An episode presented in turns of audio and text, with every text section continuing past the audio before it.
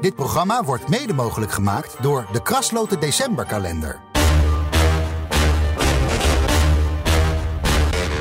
Dit is Strikt Privé, de dagelijkse showbiz-update met Evert Zantegoed en Jordi Versteegden. Van maandag 18 december, de allerlaatste week. Oh, nou, en dan is het kerst. Nou, En volgende week zijn wij wij er zitten niet. aan het kerstontbijt. Ben je er al op voorbereid? Ben je al een beetje? Ben jij iemand die het zelf maakt of laat je het komen eigenlijk? Zo- Nee, we gaan uit, uit bij vrienden eten. Die, en, die, en die laten het komen.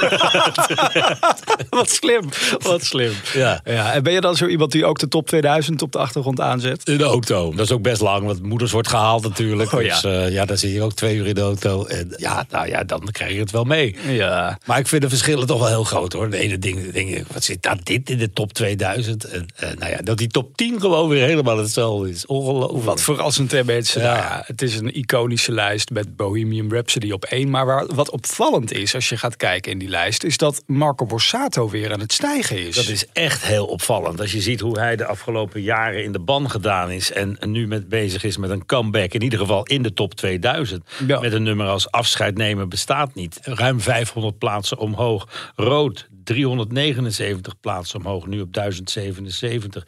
En Dochters, zijn, zijn eh, meest populaire nummer. Mhm. Stond in 2022 op 513. En nu op 397. Dus het publiek is Marco nog niet vergeten. Ja. Vandaar ook dat afscheid nemen bestaat niet. Misschien het meeste gestegen.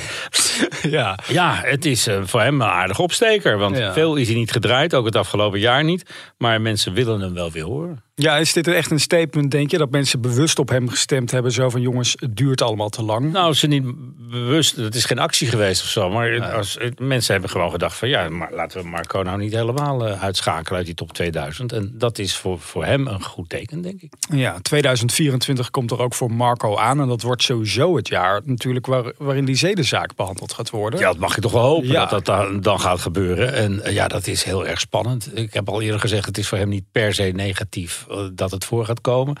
Als dat niet gebeurd was, dan was het ook altijd te blijven hangen van ja, wat was dat nou? En waar rook is is vuur. Mm. En, en nu gaan we het gewoon allemaal horen van beide partijen. Wat er dan gebeurd zou zijn en vooral ook wat er niet gebeurd zou zijn. Ja. En in welke periode van het jaar, in welk seizoen van 2024, daar durf ik nog niet veel over te zeggen. We zijn op zoek naar de waarheid, om het zo maar even te zeggen. Zo is dat. André Hazes junior, hoe vaak denk jij dat hij in de top 2000 staat? Ja, en of die ook op zoek gaat naar de waarheid. Nu samen met Rox. Want Ja. ja. er is toch wel opvallende ontwikkeling dat zij weer samen lijken op te trekken. En dat bleek afgelopen weekend toen Rox de spullen weg liet halen bij de moeder. Nou, dat is net op tijd, dan had ze alles meegenomen naar Spanje, denk ik. En eh, toen wilden ze ook de spullen van André meenemen om die vervolgens weer bij hem af te geven. En dan zou je toch zeggen, hé, hey, dan hebben die twee weer contact voor het eerst een hele lange tijd. Nou, dat lukte trouwens niet. Rachel ging er vierkant voor liggen dat de spullen van André ook uit haar huis zouden verdwijnen. Maar eh, ja, als die twee weer samen optrekken, is dat voor een Rachel wel een pijndossier erbij. Ja. Want ja, dan gaat het natuurlijk ook over de erfeniszaak. En ook die gaat in 2024 verder met een bodemprocedure. En dan zal daar de toekomst eh, van, eh, van de naam Hazes eh, van afhangen. Hoort hij nou bij Rachel of hoort hij bij André en Rox? En Ja. ja. we hebben destijds zelf dat testament onthuld.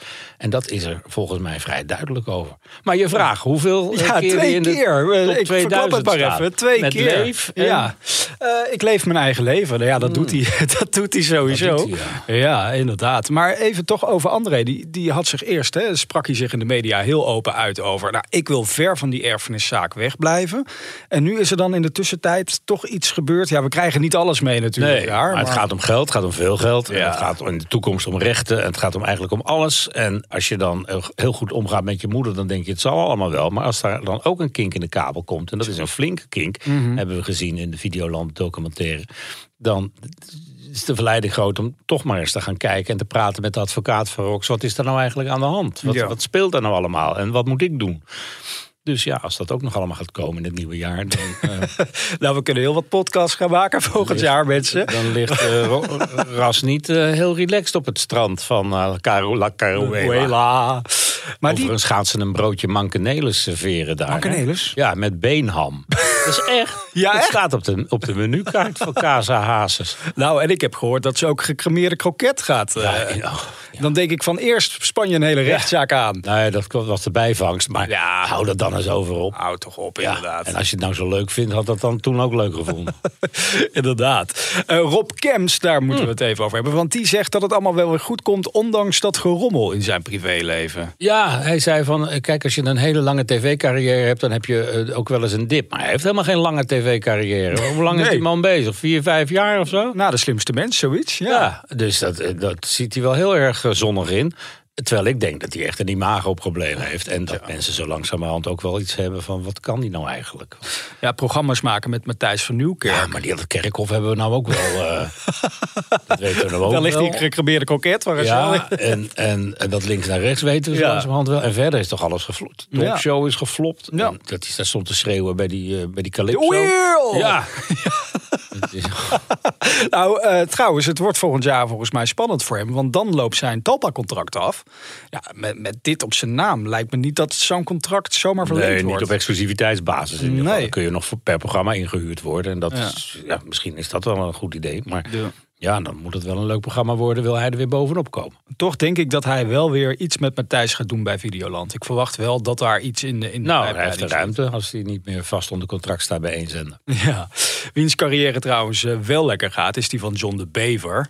Die eh, gaat volgend jaar met de kerst weer een kerstconcert geven in Ahoy, maar is nu al bezig met het aankondigen van allerlei gasten. Ja, dit is natuurlijk ook de tijd om de kerstsfeer om te denken van eh, dat gaan we dan nu doen. En trouwens, Ja. het is sowieso wel normaal geworden om een jaar van tevoren kaartjes te, te, te, verkopen. Mhm. En, dan komt Madonna nog twee uur te laat. en ja, dus het heeft leuke namen, moet Ja. ik zeggen. En Patty Bart. Ja, en en Anita Meijer is erbij gekomen. Het is lang geleden dat Anita Meijer zelfstandig de Ahoy vulde. Mhm. Met een prachtige medley uit Evita, kan ik mij herinneren. Dat ze daar Don't Cry For Me Argentina stond te zingen. Mhm. Prachtig. Maar ja, ik denk dat dat al twintig jaar geleden is inmiddels. Ja, vorig jaar hadden ze Lee Towers hè, en nu hebben ze dus Anita Meijer. Dus zo proberen ze volgens mij ieder jaar iemand die van Ahoy houdt. Nou ja, Ahoy is sowieso wel een beetje een populaire plek aan het worden, heb ik het idee. Ja, en. Leen zou dat zelf weer een keer moeten doen natuurlijk. Ja. Met zijn 50-jarig jubileum. Maar daar hebben we nog niet over gehoord. Nee, en eh, Chantal Jansen en Jan Smit kunnen we daar ook zien. Nou ja, ik, ik vind dat eh, op zich wel goed. Want op, vroeger had je het Slagerfestival in, in Kerkrade met eh, Harry Thomas en Danny Christian. Ja. En dat is een stille dood gestorven. Maar dat Duitse genre, dat is nog steeds hartstikke populair. En ze zullen niet onmiddellijk Helene Fischer naar Rotterdam halen, vermoed ik. Maar wie ze wel hebben, Nou? is, jawel, hier is die, Heino. Nou ja! Ja, ja, so blau, blau, blau blüht Enzian. Alpenglüh wir uns wiedersehen mit ihren roh, roh, roh, roten Lippen, Fingers an. Die Vergessen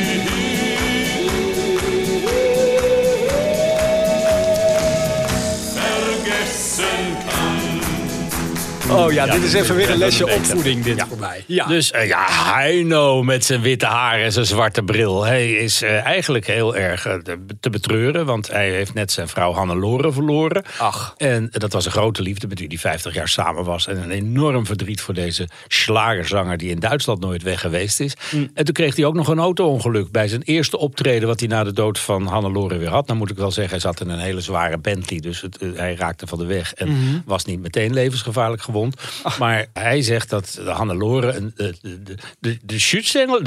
De, hè, de, de, Wat ben jij goed in dat Duits de, trouwens? de engelbewaarder was die eh, er erger heeft voorkomen. Oh. Dus eh, ja, ik ben wel eens in Duitsland.